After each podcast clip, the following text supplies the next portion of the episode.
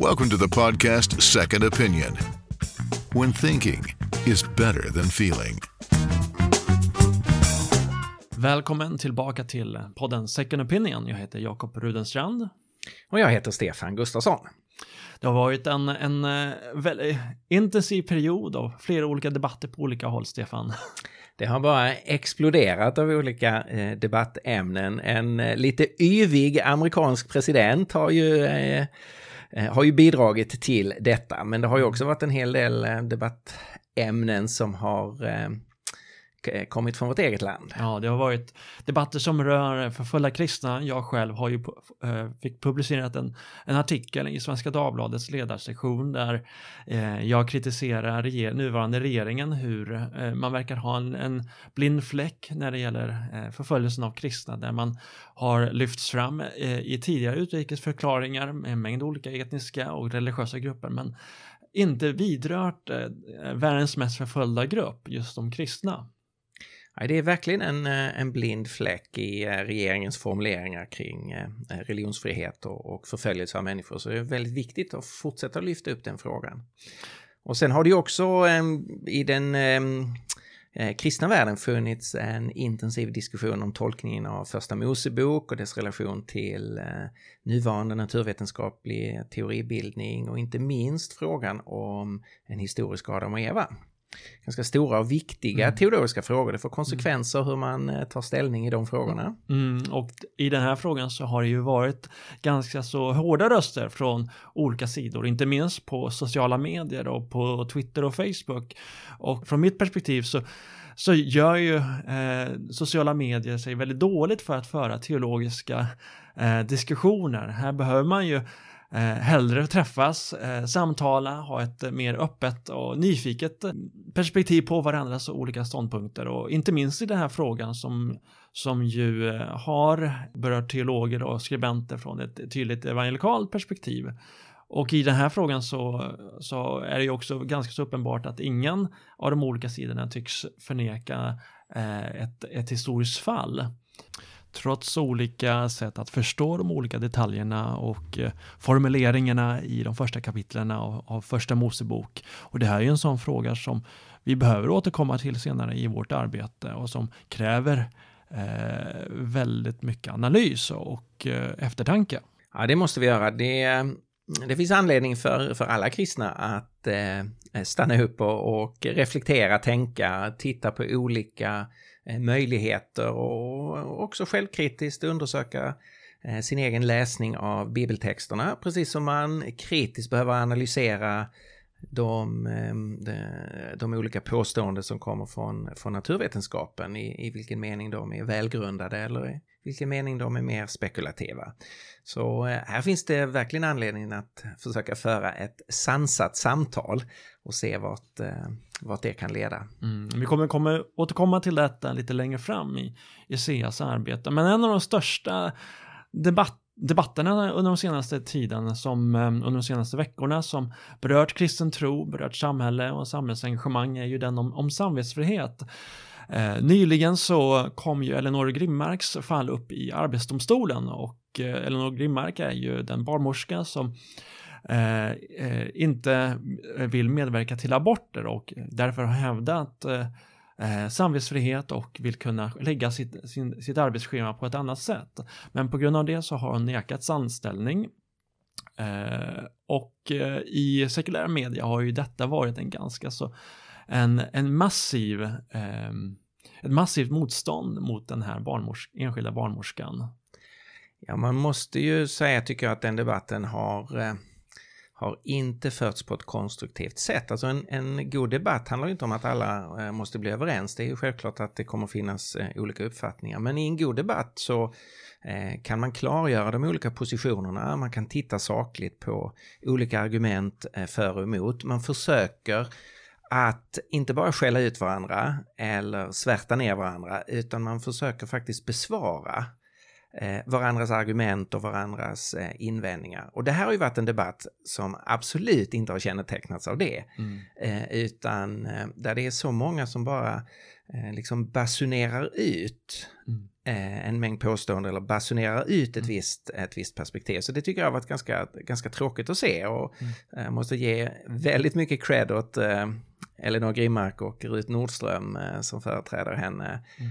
Eh, att de har stått eh, rakt upp i den här eh, blåsten. Mm. Och det har ju varit en, en lång rad olika påståenden om vad som skulle innebära om vi skulle införa samvetsfrihet för vårdpersonal. Allt ifrån att eh, Aftonbladets ledarskribent Eva Franchell påstår att vi kommer att eh, kastas hundra år tillbaka i tiden, att eh, när det gäller vården för, för kvinnor, att vi kommer att eh, se eh, klädhängare och råttgift användas för att genomföra aborter, till eh, komikern Sisse Cissi Wallin som är Nyhetsmorgon på TV4. Ehm, ironiskt påstår hon eh, vill abortera retroaktivt de som är kritiska och motståndare till abort till att hon i en, ehm, därefter i en Metro-artikel säger att man måste hindra de som är kritiska till abort att engagera sig politiskt. Så här har ju varit en mängd olika Mm. påståenden som knappast har varit eh, sansade och konstruktiva i, i debatten. Ja, man, man väljer hela tiden då att, eh, att hävda att detta är ett angrepp på aborträtten. Vilket ju är eh, felaktigt i sak. Tvärtom är det ju så att hela den här diskussionen om samvetsfrihet för, eh, för barnmorskor eh, bygger ju på aborträtten. Alltså i den situation där vi har rätt till fri abort och den, eh, eh, den rätten finns i, i det svenska sjukvårdssystemet. Hur ska vi då förhålla oss till en person vars samvete säger att jag kan inte eh, utföra det arbetet. Så hela frågan om samvetsfrihet här utgår ju från Mm. aborträtten. Och den förutsätter ju en, en lagstiftning som tillåter abort. I, i, just i Sverige så var det ju till och med så att i förarbetena till den nuvarande abortlagstiftningen från 1974 så skrev man uttryckligen att, att den vårdpersonal som av antingen religiösa eller moraliska skäl inte kan medverka vid aborter ska kunna respekteras och kunna arbeta på annat sätt. Eh, även Svenska Dagbladet när det begav sig på den här tiden lyfte fram ett behov av att tydligt eh, om att man behövde från regeringens sida tydligt eh, konkretisera detta eh, i, i lag. Eh, tyvärr skedde ju inte det, utan det, det, eh, det uttrycks ju i, lag, i förarbetena, men bara det borde ju ha eh, ge en riktning för hur man ska förstå den nuvarande abortlagstiftningen. Ja, men så är det verkligen. Och det som, det som skulle behövas här är ju att, eh, att man fick en, eh, en, en seriös diskussion som jag tycker skulle behöva eh, ske på två plan.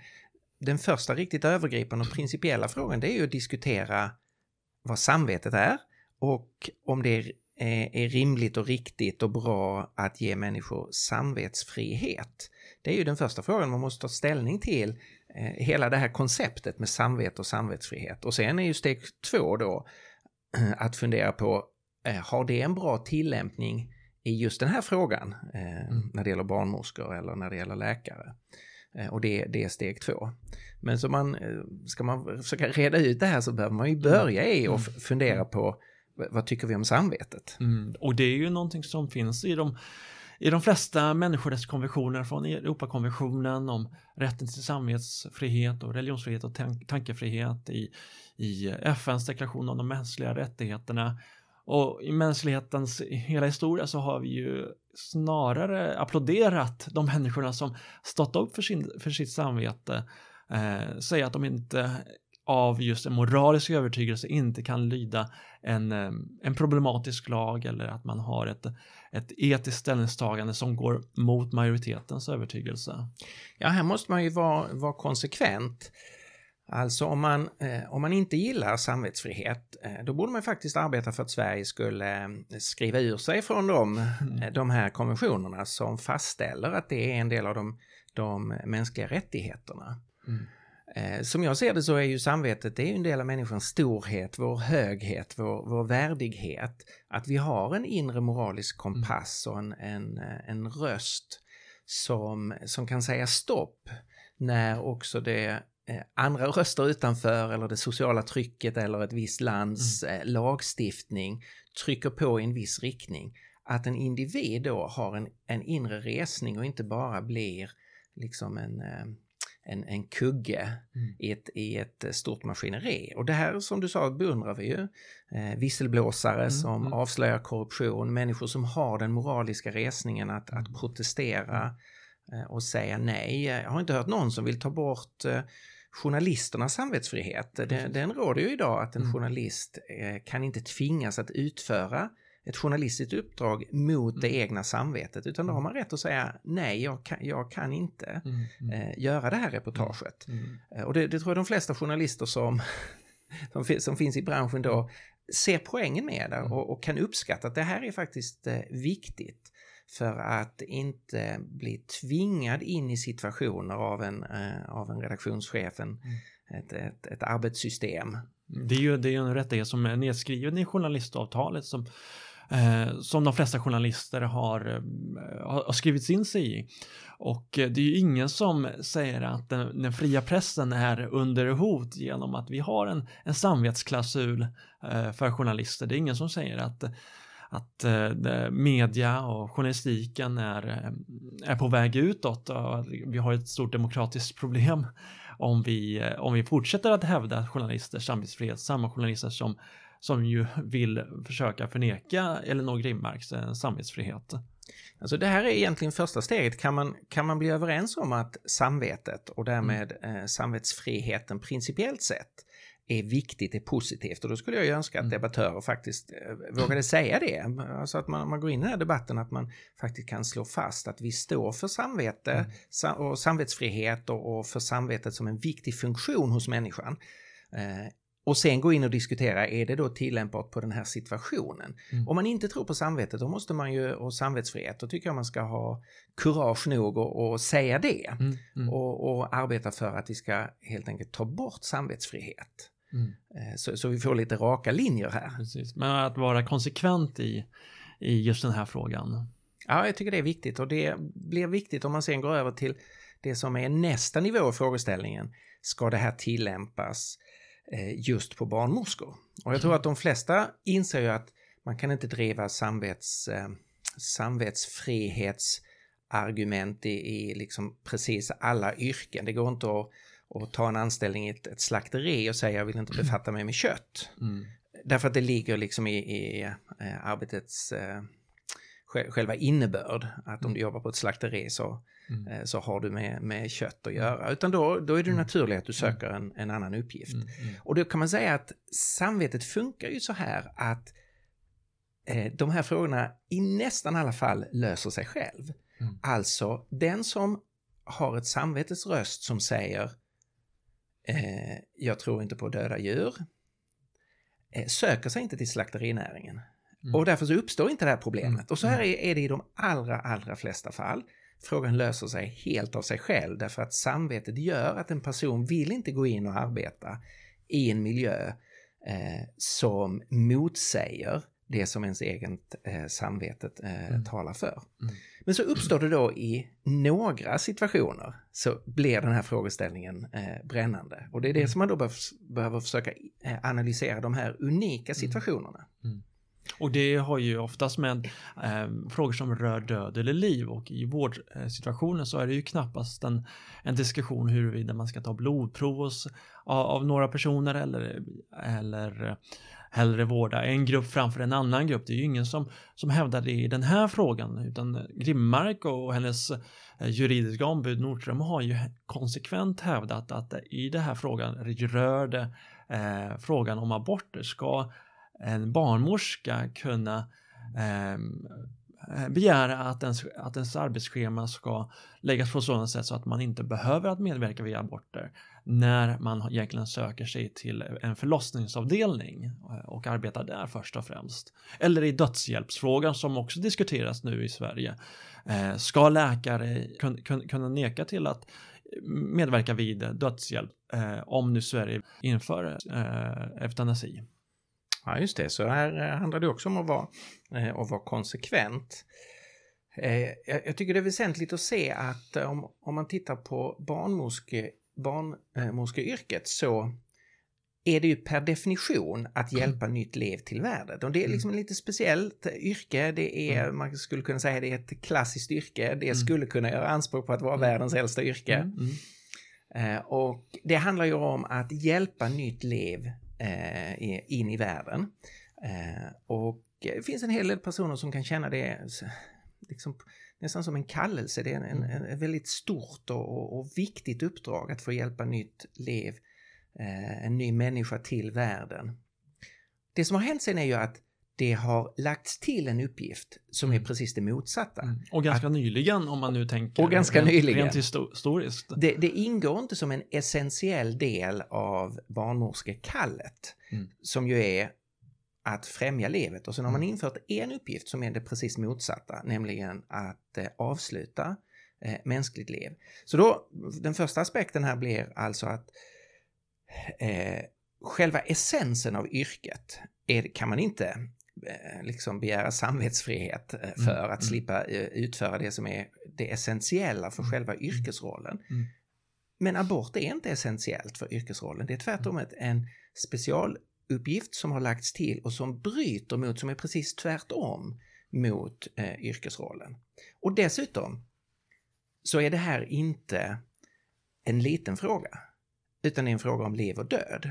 Mm. Alltså det som en etisk frågeställning, den absolut största och tyngsta frågeställning man kan tänka sig. Handlar detta om att utsläcka ett mänskligt liv eller inte?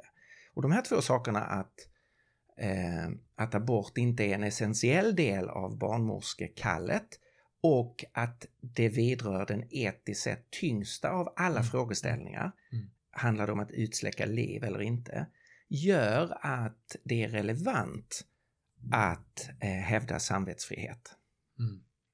Och här är det ju eh, väldigt viktigt att man håller isär de här olika frågorna för att det, det, eh, de som är motståndare till samvetsfrihet för, för Grimmark och andra barnmorskor har ju hela tiden hävdat att det här skulle utgröpa eh, rätten till abort eller, eh, eller som det hellre, eh, eh, snarare säger står i, i, i den svenska lagstiftningen att det finns en möjlighet till att, att eh, begära abort.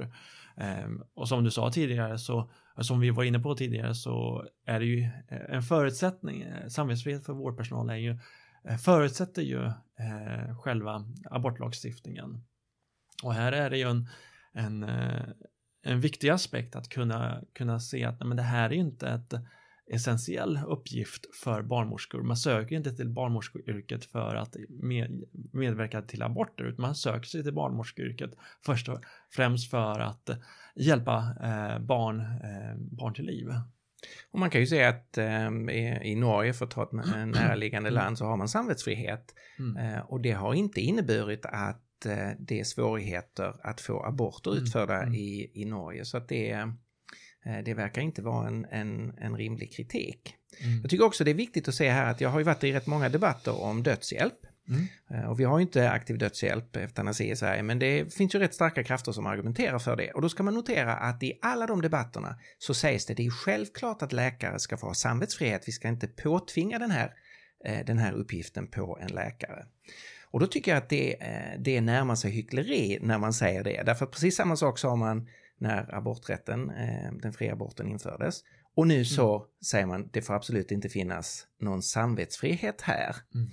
Eh, Och då tycker jag så här att de som hävdar att det ska finnas samvetsfrihet när det gäller dödshjälp måste träda fram i debatten och Mm, hävda mm. samvetsfrihet för barnmorskor. Mm. Alternativt att man slutar och säga att vi ska införa eutanasi och det ska finnas samvetsfrihet. Mm. Eh, eh, utan då får man ju vara ärlig och säga vi ska införa eutanasi och vi kommer Mm. att tvinga läkare. Här måste, tycker jag, man, man ha någon sorts konsekvens. Mm. Mm. Att när det gäller de två frågorna om att avbryta liv i fosterstadiet och i det mänskliga livets slutskede. Så antingen så driver man tanken att vi Mm. bör ge vårdpersonal, barnmorskor och läkare samvetsfrihet Mm. eftersom det är, i båda fallen är det en uppgift som Mm. inte är essentiell för själva yrkesrollen utan i motsats till Mm. det essentiella i yrkesrollen. Eh, och det handlar om den största etiska frågan av alla, att, att utsläcka liv. Mm. Så antingen så argumenterar man för att i båda fallen ska vi ha samvetsfrihet, eller så får man vara ärlig och säga att vi ska inte ha samvetsfrihet alls, samvetsfrihet alls i någon av de två. Det här är ju som sagt väldigt viktiga frågor och eh, eh, nu får jag hoppas att eh, debatten börjar sansa sig i, i den här frågan om samvetsfrihet. Men som du säger, vi behöver ju eh, hela tiden påpeka att man behöver vara konsekvent i de här frågorna. Och eh, vi, vi får hjälpas åt att hålla undan de här eh, fulare påhoppen som där Cissi Wallin är ett, ett exempel som mm. går ut så hårt. Mm. Eh, Frida Park som är en debattör som, mm. som skrev väldigt bra om mm. samvetsfrihet och, och det hon tyckte det självklara är att, mm. att en, en barnmorska som Eleanor Grimmark ska ha samvetsfrihet. Hon har ju vittnat om mm eh, hur mycket eh, hån och hat mm. och, och, så hon mm. har mött efter den artikeln. Och det här måste vi hjälpas åt att mm. hålla undan mm. och vi måste eh, uppmuntra varandra att träda fram mm. i en eh, eh, liksom i en respektfull eh, debatt mm. så att vi, vi kan höja samkla, mm. samtalsklimatet i de här stora frågorna. Och det här är ju, just samtalsklimatet är ju av intresse för alla sidor, både om man tänker politiskt, både höger och vänster är intresserade av ett mer sansat samtalsklimat, att man ska försöka eh, bjuda näthatet på, mot, på motstånd och att hjälpa varandra att inte eh, bli offer för liksom, någon form av eh, kollektiv mobbing eh, mentalitet. Ja, det är helt avgörande. Mm. Yes, men vi återkommer till de här och andra frågorna i podden Second Opinion. Welcome to the podcast Second Opinion. When you need analysis and adrenaline